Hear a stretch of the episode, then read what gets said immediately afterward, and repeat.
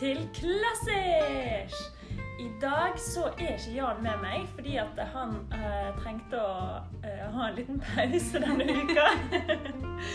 han har nemlig vært opptatt med eksamen i eh, Wien, eh, og derfor har vi fått med en vikar i dag.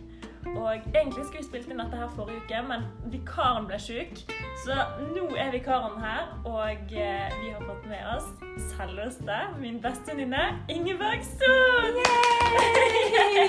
Velkommen! Tusen takk! Hvordan er det å endelig være med på Klassisk-podden? Ehm, litt skummelt. Men jeg gleder meg lenge. Jeg tror kanskje jeg ble syk fordi jeg var så stressa.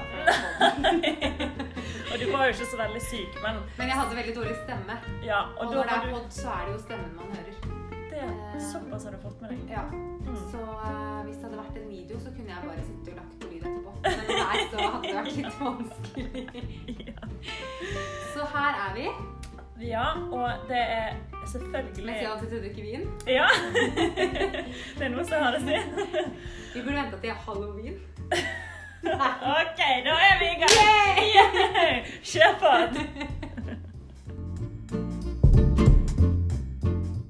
Ingeborg, vi har jo vært venner i nå snart ti år.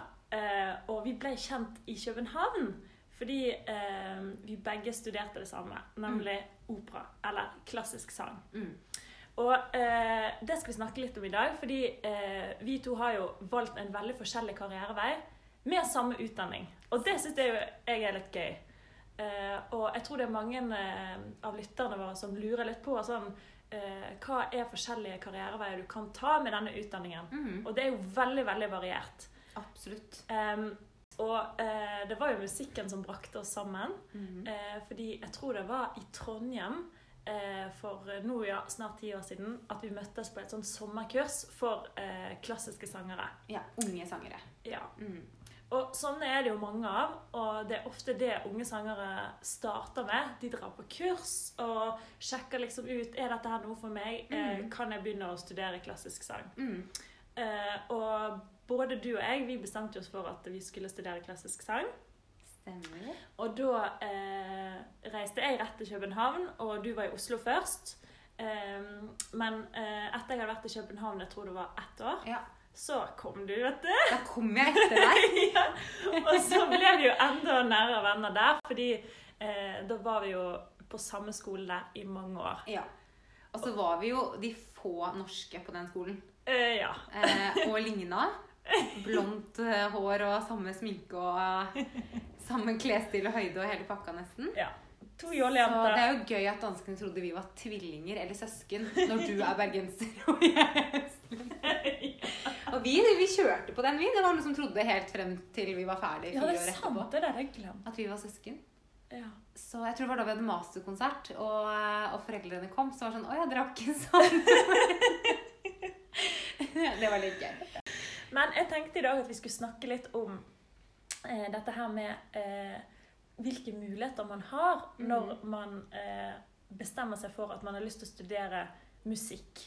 Og i Mm. vårt tilfelle da klassisk sang. sant? Mm. Fordi eh, selv om jeg og deg har gått på det samme konservatoriumet, og vi har eh, studert akkurat det samme hos den samme læreren, faktisk, Ja. Susanne Eken Selv om vi da har eh, egentlig gått akkurat det samme løpet, så eh, endte karrieren vår veldig forskjellig. Mm. Den eneste forskjellen vi gjorde, var jo kanskje at eh, jeg begynte på Operaakademiet, og som er da en mer sånn eh, tilspissa utdannelse Innenfor hvis du opera, virkelig vil bli Mm. operasanger. Den Og så tok jeg da den videre master med pedagogikkutdannelsen, da. ja, Så fordi- der skilte vi våre veier etter samme bachelorgrad, da. Ja, fordi at eh, eh, Og min mastergrad eh, inneholder jo egentlig akkurat det samme som din, bare at jeg ikke tok den paden. Mm.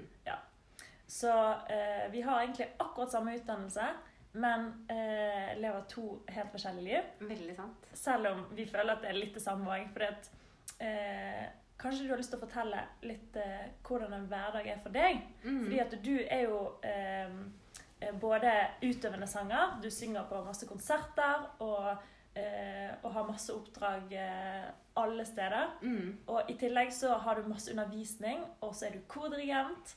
og du har liksom Det er en lang rekke artikler du besitter. Så kanskje du forteller litt Hvordan er liksom en vanlig uke for deg? En vanlig uke er uh, veldig varierende. Ja? Det er liksom ingen dag Noen dager er litt like sånn hvis man har faste selvfølgelig elevgrupper og sånn, ja. men ukene er veldig forskjellige. Mm. Um, og en vanlig hverdag består jo av Hvis det er en undervisningsdag med elever, så består det jo av da forberede seg, eh, tenke gjennom, lage planer, alt det forarbeidet før man har elever. Mm. Ofte så har man jo ti elever på rappen, og noen har 45 minutters timer, og andre har en hel time. Mm. Eh, så det er mye forberedelse for at de skal liksom få det beste grunnlaget sånn at timen Ja, blir er tilpassa den enkelte elev. da. For hvis man er en god lærer, så, så kan man jo ikke bare møte opp og så bare se Nei. hva eleven har å by på. Du, Det er veldig sant. du må jo legge en plan for eleven for den timen. Nemlig. Og så spiller du ofte piano til eleven. Ja, og liksom, smør på det. Ja. eh, og så er det jo, når man kommer da og har elever, så går det jo på en måte veldig sånn eh, slag i slag. Da, at man har ulike personligheter på rad. mm, Så, så det som jeg syns er veldig fint med det yrket, det er jo at man, man får jobbe tett på andre mennesker. Eh, og bygge relasjoner til andre mennesker. mm, Eh, og det å liksom få så stor rolle på en måte i andres liv, da. Fordi man har jo noen som elsker å synge, eh, men som aldri egentlig skjønt stemmen sin. mm. Til de som har kommet på et veldig høyt nivå og har lyst til å satse f.eks. på klassisk musikk. da. Mm. Eller andre sjangere, selvfølgelig. Fordi man underviser jo ikke bare i opera og klassisk musikk, Nei. men i den grunnteknikken som stemmen må ha. Og det har jo dere hatt en eh, episode om tidligere også. Når du demonstrerer liksom sånn typisk sunn sangteknikk. da. mm. Har man den i bunn, så kan man jo gjøre alle som helst sjangere. Det er helt riktig. Ja. Mm. Så det er jo det, det er sånn typisk undervisningsdager. Eh, og så har man i hverdager så kommer det begravelser eh, som man blir spurt om å synge i. Mm. Og da har man ofte også jobber tett på andre mennesker, for da er det sanger de ønsker som er spesielle for dem, eller som eh, de har et forhold til, eller noen ganger så har jo den avdøde ønsket sanger selv. Mm. Eh, og veldig ofte blir man jo spurt av personer da, som vi ønsker akkurat deg. Ja, Så på den måten føler man seg veldig viktig også, da. At det er ja, sant? Og du synger jo ofte i um, de viktigste um, eventene i folks, folks liv, Ja, sant? det er veldig sant. Og- For det er jo alt fra bryllup til dåpsdagen til begravelse, konfirmasjoner. Mm. Eh, og da ser man liksom på sånne dager så ønsker folk å ha musikk, fordi det er ikke alltid liksom ord strekker til, så musikken kan da tale for seg Ja. på sånne dager, da. Så du merker kanskje veldig tydelig det, eh, hvordan musikk har en effekt på folk. Veldig. Og kanskje spesielt de som ikke har et så nært forhold til musikk som kanskje meg og deg har. Veldig, veldig. Så det der at man kan prege eh, andre menneskers hverdag og liv med f.eks. mestringsfølelse, musikkglede, Ja. eh, og med å oppnå kanskje små og store drømmer, da, eller få oppleve det, Mm. det er ganske Ja, man får liksom nesten sånn gåsehud når man snakker om det, fordi det er, eh, det er utrolig fint, da. Mm. Så, så man har jo alt fra, fra sangelever som kommer og eh, Søsteren min skal gifte seg om et år. Jeg har lyst til å synge en sang i kirken, men jeg vet ikke om jeg kan synge. Mm. Og så jobber da man- kommer de til! Det er bare å ringe! Nei, og så kommer eh, Nå vet jo hun, eh, hun hvem hun er, da. Eh, men begynner og er veldig usikker på hvordan sang egentlig fungerer. Og kan jeg egentlig synge, og Mm. vet jeg, kan jeg synge rent i utgangspunktet? Ja. Til å lære en god teknikk mot den ene sangen man jobber veldig mot da, for å fremføre. Og så er bryllupet over, og det går kjempebra. Man har hatt et mål gjennom et år, og da har man også god tid til å bygge opp ganske god teknikk. da. Mm. Eh, når man ikke har, brukt stemme på den måten. Men det viser før. jo veldig dette her med at eh, alt en driver med, eh, kan en oppnå hvis man bare er arbeider hardt. det. Fordi folk har jo kanskje mer et forhold til det der med å bruke lang tid eh, mot Mm. et mål i forhold til trening og sånn. Mm. Det er liksom en sånn, noe som alle kjenner til. Men eh, dette viser jo veldig tydelig at eh, akkurat det samme gjelder for musikk. Det er veldig sant. Eh, Men hva, hva er egentlig grunnen til at, eh, at det ble den veien? At du gikk mot eh, undervisning og sånn? Er det noe du alltid har tenkt at du vil gjøre, eller er det liksom noe som bare skjedde? Altså, jeg kjente da jeg var ganske ung, så Mhm. var det noen begrensninger i stemmen min eh, som jeg ikke fikk til. Og jeg følte mennesker rundt av de voksenpersonene man hadde i, i musikk, da, liksom kordirigenter og, Ja. og lærere, eh, de klarte liksom ikke å hjelpe meg med det jeg følte jeg hadde i meg, hvis du skjønner. Mm. Eh, og lære som man har hatt opp igjennom, at det er liksom det er akkurat som jeg ikke helt ble forstått da, med den stemmen jeg hadde. Mm.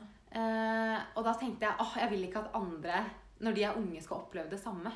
Så det kjente jeg veldig tidlig på. Og jeg ser da jeg kom inn på Musikkhøgskolen etter videregående, da er man jo ja, Det var før jeg fylte 19, da, rett før det året jeg fylte 19. Mm. Så ble jeg intervjua av lokalavisa, Ja. hvor det står sånn Hva er drømmen din med dette? Nå skal du begynne på Norges musikkhøgskole, og bla, bla, bla. Mm. Og da, da har jeg faktisk svart da, og det er jo allerede tilbake i 2010, Ja. at, uh, at drømmen min er å lære å bruke stemmen min 100% så jeg vet hva jeg driver med og kan få til det jeg ønsker. Mm. Og kan leve av å synge for folk.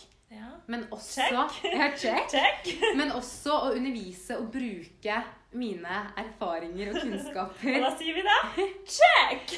til, til, nye, til nye unge. Mhm. Eh, og selvfølgelig også eldre, da, men det er ofte Ja. sånn i starten den første læreren er veldig viktig. da. Som, som sanglærer da, så kan man ødelegge ganske mye hvis man ikke gjør det rett eller ser eleven og den enkelte stemme for den den er. Mm. Fordi når du spiller piano, så har du fingrene du kan fint kontrollere, du må flytte litt sånn og sånn. Når det gjelder halsen, så ser du jo ikke hva som skjer Nei. nedi der. Jeg var jo veldig heldig fordi eh, mamma var min første sanglærer. Mm. Og den første sanglæreren jeg hadde utenfor min egen familie, var Hilde Haraldsen Sveen eh, Mm. på Griegakademiet. Og det var òg en fantastisk lærer. Så jeg var liksom ekstremt heldig som eh, møtte de riktige menneskene, da. Mm. Eh, og da vil jeg si at eh, elever som får møte deg, er jo òg veldig heldige. Ja, takk. For du er jo en, den perfekte formidler. Du er kjempegod til å eh, formidle et budskap. Du er god til å se folk, og så tror jeg du er veldig inspirerende. For helt rørt. jeg. Nei, men, men, men det er jo sant. Og du eh, har alltid, så lenge jeg har kjent deg, i hvert fall, vært veldig flink til å eh, eh, skape relasjoner med folk. Og det tror jeg er veldig viktig i din jobb. At, eh, at du klarer å se personen og på en måte sånn kan få ut det beste av dem, da. Ja, sånn som jeg sa, det der å se, være med og liksom eh, få til små eller store drømmer, da, som enkelte har. Mm. Eh, og så er det noen elever man da har Nå har jeg jo jobba i Det er vel sjette året nå som Mm. sanglærer, og det blir jo bare flere og flere elever sånn sett. da. Ja. Eh, og det er jo noen som har vært hos meg helt fra starten. Mm. Så det er kjempegøy å se den utviklingen fra liksom Og jeg vet jo at noen av de søker seg inn på konservatorium, og andre eh, har oppnådd de målene de hadde. Så det er jo et veldig bredt spekter av elever. mm. Og sånn som hun jeg nevnte i stad, som, eh, som skulle synge i denne søsteren sitt bryllup. Ja, hvordan gikk det? Det gikk jo kjempebra. Og da var jeg med i bryllupet, da, så satt jeg der og bare viste noe du gjør sånn sånn. Eh, men hun ville jo selvfølgelig da ikke slutte. Eller selvfølgelig, men jeg ble veldig glad for det. Jeg, jeg sier selvfølgelig ikke fordi det er meg som lærer, men fordi man skjønner hvor gøy det er å synge, da. Eh, så den musikkleden som hun da fikk bygd opp, at det ble en sånn Akkurat som å dra på treningssenteret, som hun sa. Det ble det samme som at jeg må ha en sangtime for å for å få den energiboosten i uke, ukehverdagen. da. Altså en time sånn cirka en gang i uka. Eh, og gjør det fortsatt nå, eh, ett og et halvt år etter dette bryllupet. Og har blitt så dilla på klassisk musikk. For det ser jeg nemlig at mange som kommer, som er eh, i sånn, ja, hva skal jeg si, begynnelsen av 20-åra Det er litt sånn Ja, jeg, ikke, jeg, jeg- kommer ikke til deg for å lære klassisk, altså. Ja, men vi er litt redde. Og Ja, eh, men jeg for å dra også inn Jan litt, så um, det, det er det samme med vin. Altså, en, en person som ikke liker vin, eller ikke er så glad i vin, den klarer jo ikke å sette pris på en dyr vin, f.eks. Men hvis du er trent og, Mm. og forstår mer om det, Det så blir du òg mer interessert. sant? Det er veldig sant. Og hvis du lærer mye om musikk og skjønner mye om stemmen, og plutselig skjønner du liksom mer og mer, Mm. så blir du plutselig litt interessert automatisk i og, og, hva er liksom neste nivå. Mm. Og hva er neste nivå. Ja, men det er veldig sant. Um, Men jeg er veldig veldig stolt av deg, Ingeborg. For at du, ja, men du har virkelig eh, skapt din egen arbeidsplass det er veldig sant. eh, med din egen eh, drivkraft. Og det er ingen som har eh, hjulpet deg på veien. Det er ingen som har sagt sånn 'Å, kom her, og du kan, eh, du kan jobbe på min musikkskole.' Og all, 'Her står vi med åpne armer.' Du har virkelig bestemt deg for at 'dette vil jeg gjøre'. Og du har gått etter de jobbene som du vil ha. Du har skapt din egen eh, army av elever. Og de har Mm, kommet kun fordi at du er så god i det du gjør. Så eh, det er bare fantastisk Ja, at du har klart det. Og det jeg syns er så gøy, det er at jeg får jo prege jobben min med personligheten min i stor grad. Mm. Og det elsker jo jeg. fordi jeg, jeg merker jo sånn da vi studerte det samme Ja. Så jeg elsker opera. Jeg elsker å høre på opera. Jeg syns det er kjempegøy å synge opera-ariene. Mm. Altså sånn når man har konserter. Jeg gjør jo det. Så det er jo ikke sånn at man, man ikke synger klassisk musikk selv om man også underviser og gjør andre ting. Eh, og som du merker i begravelser, så vil jo mange ha disse kjente Ave Mariaene fra Mm. alle mulige komponister. Altså, så man skal virkelig liksom holde teknikken ved like. Og det får man jo virkelig utvikla ved å undervise så mye òg. Mm. Fordi da må man gjøre teknikken sin riktig når man skal vise bort til andre. Mm. Så jeg føler også at jeg holder meg på veldig høyt nivå da, ved å liksom ha den vektskåla av begge deler i hverdagen. Mm. ehm, men jeg merket veldig godt da vi studerte at det der å på en måte få beskjed om regimessig Du skal gå dit, du skal gjøre sånn. Ja. Eh, og alt det der imellom. Skal du ha et glass vann? Nei, det skal du ikke. Bla, bla, bla. Alt det der som er Jeg, jeg bare kjente at det, det, det passa ikke til meg. Det ble for satt, da. Mm. Og det tror jeg er sånn viktig for sånne unge Det er sikkert noen lyttere som går på sånne skoler at selv om mange i klassen din har veldig lyst til å leve av kun én retning, Ja. så betyr ikke det at du må gjøre det samme. Mm. Det er jo noe innen klassisk musikk som heter lieder, som er, det betyr sang på tysk. Mm. Hvor det er sånne enkeltstående sanger. Eh, og ofte er de satt sammen i en sangsyklus. Da, at man har kanskje seks sanger som du følger en person gjennom de seks sangene. Mm. Eh, så det er en sånn tematisk eh, bit på det. Noen elsker å synge sånn musikk, og det Mm. gjør man ofte bare med da f.eks. klaver da, eller piano. Mm. Eh, det kan også være en del av det å utøve klassisk musikk. Sånn at det på en måte Opera er jo ikke det eneste man kan drive med. Selv om, selv om det er ofte når man er ung, så er det sånn Å, det er gøy, det har jeg lyst til sånn, når man begynner Mm. å studere. Men så oppdager man kanskje at opera ikke er helt det man trodde det var. Mm. Ja. Og jeg har jo f.eks. aldri vært sånn ekstremt opptatt av opera. Men eh, grunnen til at jeg ble operasanger, var jo ikke pga. Eh, at jeg liksom elsket å bli, få eh, høre hvor jeg skulle stå og gå og Nei, liksom, nei, nei. ta det glasset vann og sånn. Det var jo fordi at jeg elsket å, eh, å spille skuespill. Mm. Og da var det der eh, en måte jeg kunne synge og vise liksom skuespill gjennom sangstemmen min. Mm. Og, øh, og jeg er jo litt sånn lurefaks. Alltid når, jeg får, alltid når jeg får regi, så sier jeg alltid Nå må jeg passe meg hva jeg sier da. Men Ja, da er- sier jeg alltid sånn eh, Da får regi, lyder gå dit og gjør sånn og sånn. Så sier jeg OK, OK. Så nikker jeg. Og når scenen kommer, og det er skikkelig forestilling Så gjør jeg nett hva jeg vil. ja, men da er det viktig at det ikke Og det er der mitt satt. problem kom inn. At jeg var så pliktoppfyllende at da turte ikke jeg å Nei, men når det kommer til forestillingen, eh, da må det leve. ja, Og da må jeg følge mine instinkter. Og eh, der har kanskje jeg talent, da. Mm. At jeg er god til å, å, å, å kjenne i nuet hva som er riktig, sånn at det kommer gjennom til publikum. Absolutt. Og det er kanskje derfor jeg elsker det så mye. Mm. Fordi at jeg får virkelig liksom bruke alle sansene samtidig. Mm, Ja. Absolutt. Og så tror jeg også sånn eh, Din stemme eh, er veldig egna for opera. Altså, du er helt fantastisk i de, i de rollene. Men det skal sies, jeg føler meg fremdeles ikke som en operasanger. Gjør du ikke? Nei. Nei. Det kommer, vet du. Jeg føler ikke det Snart får du vikinghjelmen, vet du. jeg føler, ikke, jeg føler ikke at det høres ut som opera når jeg synger engang. Er det sant? Jeg vet Det er bare Ja, liksom det gjør det. Det gjør det absolutt. Det er liksom bare meg. Men ja, ja. Sånn er nå det. Men det jeg også tenker der, da, sånn til unge, unge sangere som har lyst til å synge klassisk musikk og gå den veien, så er det jo noen stemmer passer jo fort inn i enkelte operaarer. At Ja. Hvis du har en sånn typisk hvis man kan si sånn lett Mozart-stemme, eller, eh, eller eh, at man eh, har en annen type stemmetype som passer veldig godt i en spesiell stil. da. Mm. Men så har du liksom sånn som det husker jeg veldig tidlig på studiet, så er det sånn Ja, vi må gjøre sånn mellomting, fordi stemmen din er Den må utvikles enda mer, for den har mye fylle og er ganske stor. Da, da, da begynner man å snakke liksom mer om dramatisk, dramatiske fag. Mhm. Så de rollene du eventuelt kan gjøre, de må vi vente sånn åtte år med å begynne på. Ja, det sånn Og det er litt sånn umotiverende når du er veldig motiverende. gira på å liksom, eh, Ja. synge med en gang. Og så vet du at nå skal du lære deg liksom sanger som ikke er helt deg heller. Eh, men om noen år så kan de bli deg, på en måte. Så det kan også være at det er litt derfor jeg kjente litt at man mista litt den der veldig lysten, fordi man Mm. sang andre ting da innenfor det klassiske veldig mye bedre. Fordi da, da var man klar for det på det Ja. stadiet man var når man gikk master. da. Så det var sånn, Å, den rollen her er fin for deg om sånn seks år. Ja. Så, så eh, det kan også være en sånn Men der sitter du da med mye erfaring eh, når du, eh, i møte med dine elever. Absolutt. Hvor du på en måte eh, har liksom opplevd det der på kroppen. At du, du Mm. trenger noe kortsiktig mål, og du trenger noe, eh, noe å være excited eh, for akkurat det. akkurat nå. Veldig sant. Ja.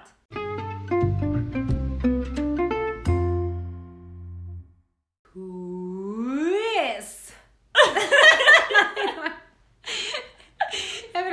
Sånne ukas anbefaling, så blir jeg alltid litt sånn der sjalu, for jeg vil også ha sånn der eh, sang. Okay. Quiz! Ja, i hvert fall da, Lydia, så Ja. har jeg eh, laget en quiz. For nå Oi. føler jeg at jeg er litt sånn eh, Jeg er i Jan sin eh, posisjon i dag, i Jan sin rolle. Hans plass. Ja, du er jo hans vikar. Hans vikar. Mm. Um, og han pleier jo alltid å Er det sånn da at eh, hvis du er min vikar neste gang med Jan, eh, så spiller du meg? Ja. Men jeg er litt verre med den dialekten. Men sånn Jan Jeg skulle hatt litt mer en Jan når han sier sånn Lydia og Jan. Ja, men Jan har en veldig eh, bra stemme for Veldig, radio og sånn, og veldig. det har du òg. Så Jan, jeg vil lyst til at du skal spille en lydbok eh. For det hadde vært veldig fint, faktisk. Er det jeg som har den skarpe bergenserstemmen? Men det er fint. Da har vi yin og yang. Ja. Men i hvert fall så har jeg laget nå en quiz til deg for å egentlig se liksom hjernen bak klass-ish. Hvor mye kan du egentlig om klassisk? Det, er altså, det var min idé å kalle denne poden for Klass-ish, eh, nettopp av samme grunn. Egentlig kan jeg ikke så mye. jo da.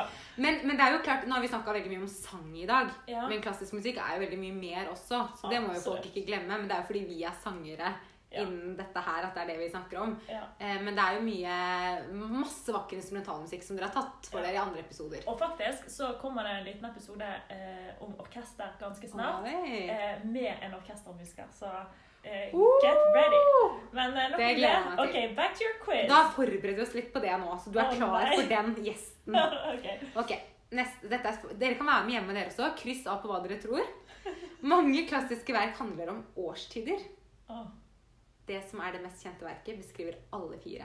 ja, Hvem skrev dette? De fire årstider. det vet jeg. Antonio Vivaldi. Vivaldi! Hva ville Vivaldi? Det er sånn Jan ville sagt, ikke sant?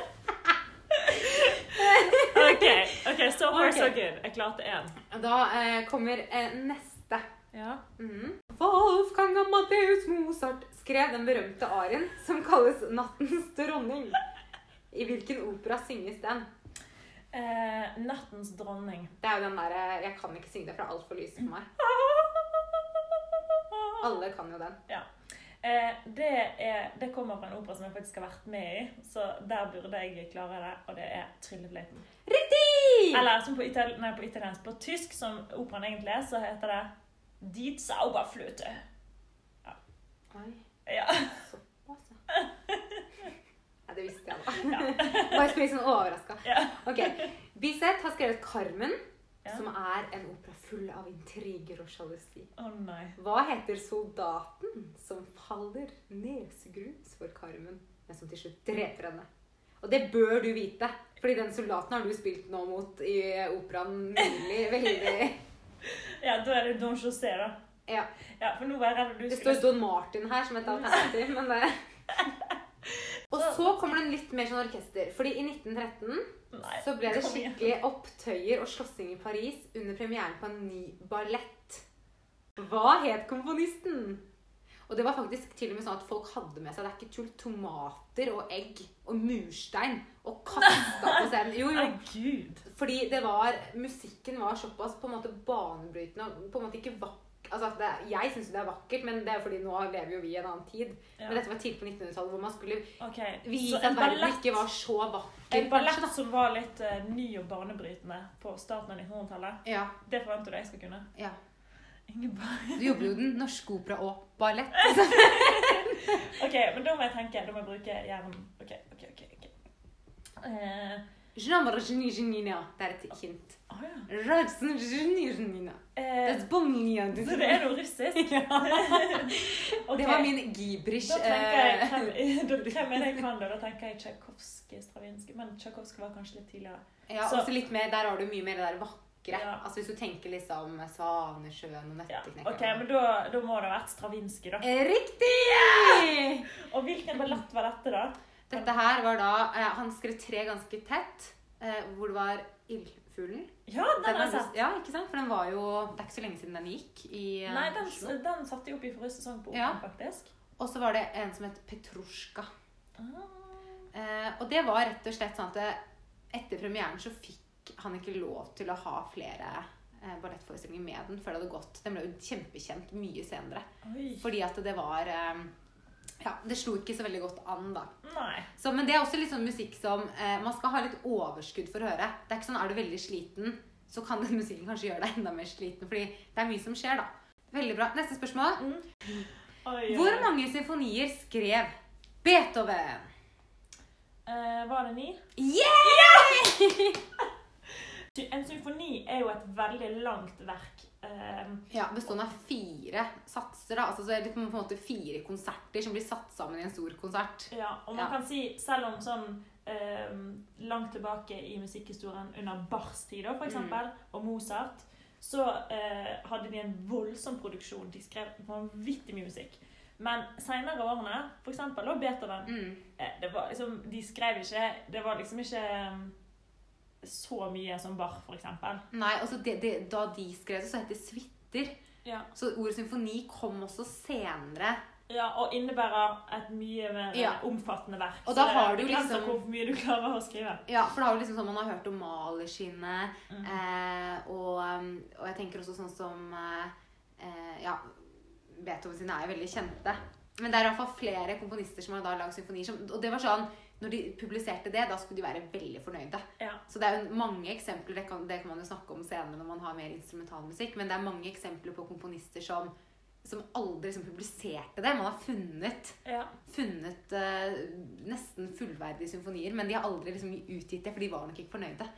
Det var, det sto, ja, det var litt sånn Kan man si det når man legger ut uh, et bilde på Instastory, så vet man at det blir borte. Det er ikke så farlig. men hvis det skal ligge ute, da, da må det være bra. sånn var det litt, da, for dere som vil skjønne Ja, hvor ja, ja. viktig det var. Ok, Edvard Grieg skrev i Dovregubbens hall. Mhm. Som en del av musikken til et teaterstykke. Uh, Hvem skrev da dette teaterstykket, og hva het det? Altså, det, det teaterstykket har jeg vært med i, Mm, as you know. det er derfor jeg spør. Så nå er du grei. Og det er jo da selvfølgelig Henrik Ibsen som har skrevet det teaterstykket.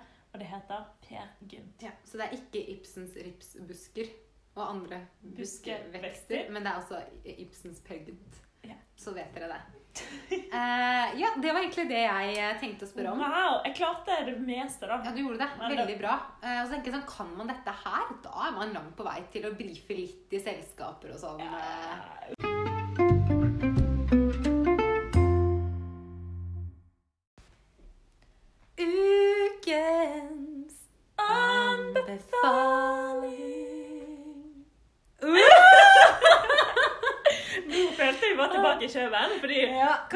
Mens alle andre øvde, så satt vi på eh, rommene til langt på kveld og bare lagde tullesanger. Ja, og improviserte. Skal ikke vi synge? Jeg føler de fortjener å høre.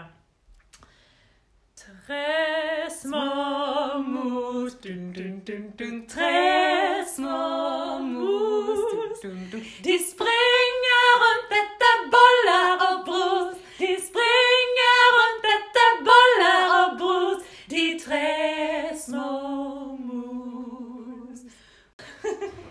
Ja. Den, uh, okay. det var gøyere den gangen.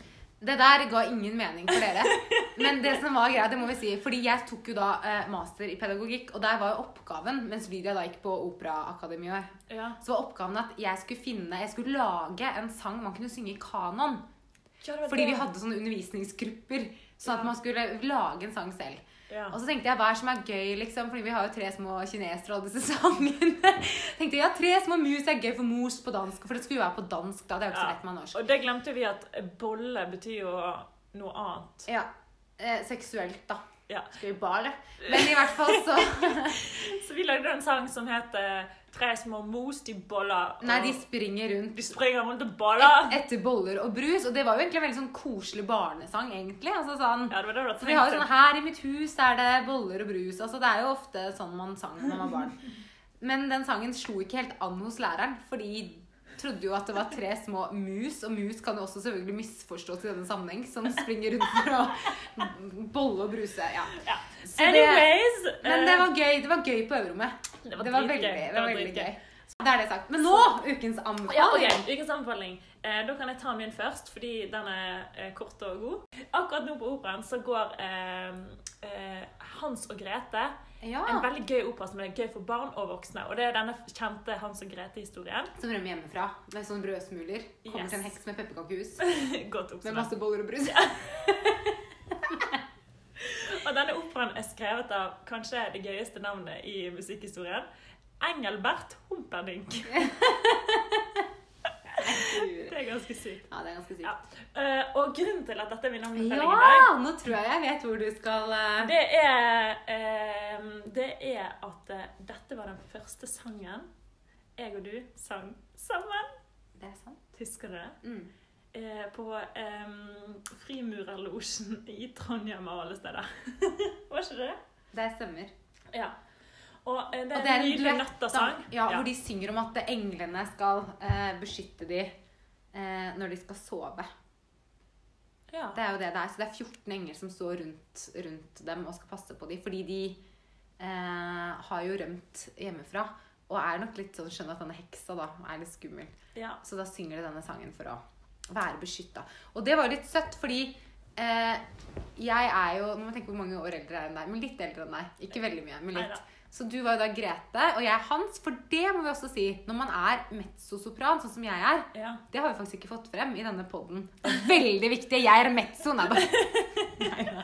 Men når man er sopran, da har man den lyseste kvinnestemmen. ja. Mezzo er litt mørkere. Mm. Hva skjer ofte da i operaer? Jo, mezzoer må være gutter. Ja. Så når du står der og er prinsesse med krone og kan skinne, så må jeg få gaffateip rundt brystene og ha på meg en dressjakke, liksom. Kanskje det også er grunnen til at jeg ikke ville synge opera. Det var ikke noe gøy å være mann. OK, og den, skal vi synge litt av den duetten, da? Ja. Abends, wenn ich schlafen geh, vierzehn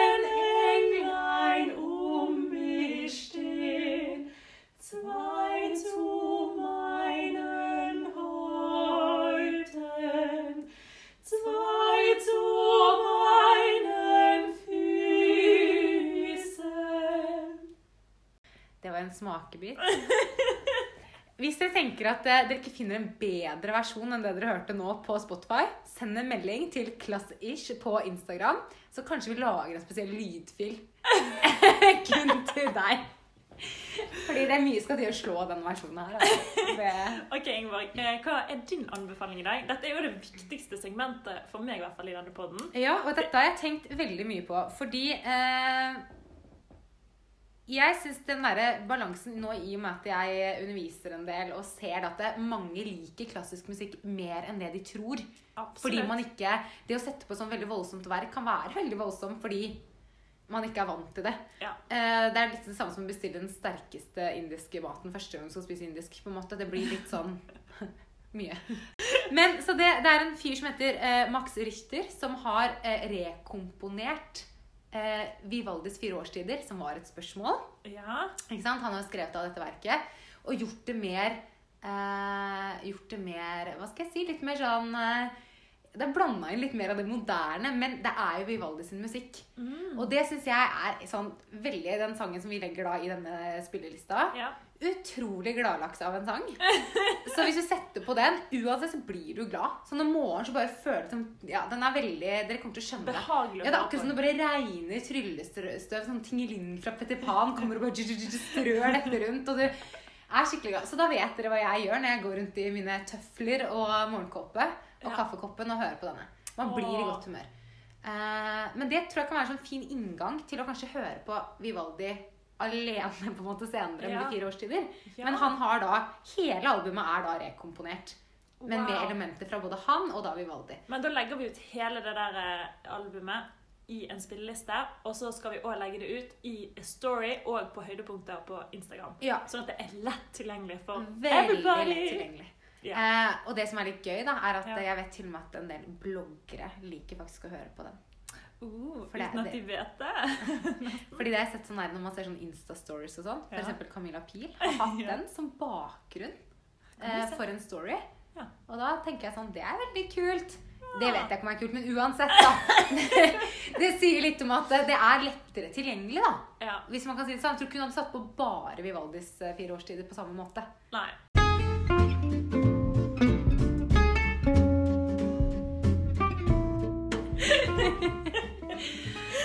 Nå har vi sittet for lenge. Eh, ja, og nå Nå- måtte vi faktisk stoppe eh, innspillingen for å le litt. Ja. Eh, men nå har vi samlet oss igjen. Mm. Og eh, nå er det rett og slett eh, tid for å si tusen takk til deg, Ingeborg, for at du har vært her i dag. Takk for meg. Det var veldig gøy. Jeg har ledd så mye, eh, som vi alltid gjør sammen. Det er sant. Og jeg er sikker på at uh, lytterne våre får høre mer av deg uh, seinere. Det håper jeg. Gjerne skriv sånn ønsker sånn Vi vil ha Ingeborg tilbake. Sånn, for de pleier veldig ofte å følge det dere skriver i, Ja, det gjør vi absolutt. i kommentarer.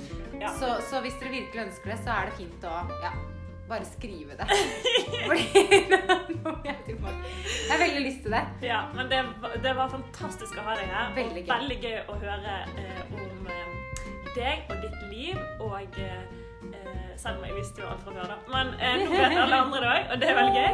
Um, så eh, da håper jeg at dere lyttere der hjemme går ut i denne dagen, eller kvelden, eller whatever. Fine, ja, nå er det en fin høstdag, da. Ja, akkurat i dag, men eh, uansett hvor du er, eh, sett på litt klassisk musikk eh, på øret, og eh, nyt høsten. Og snart så er vi tilbake. Yeah. Ha det. Ha det bra.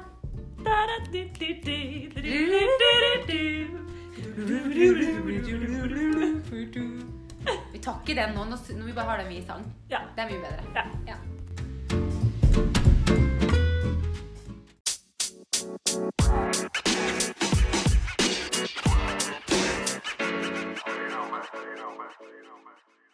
you.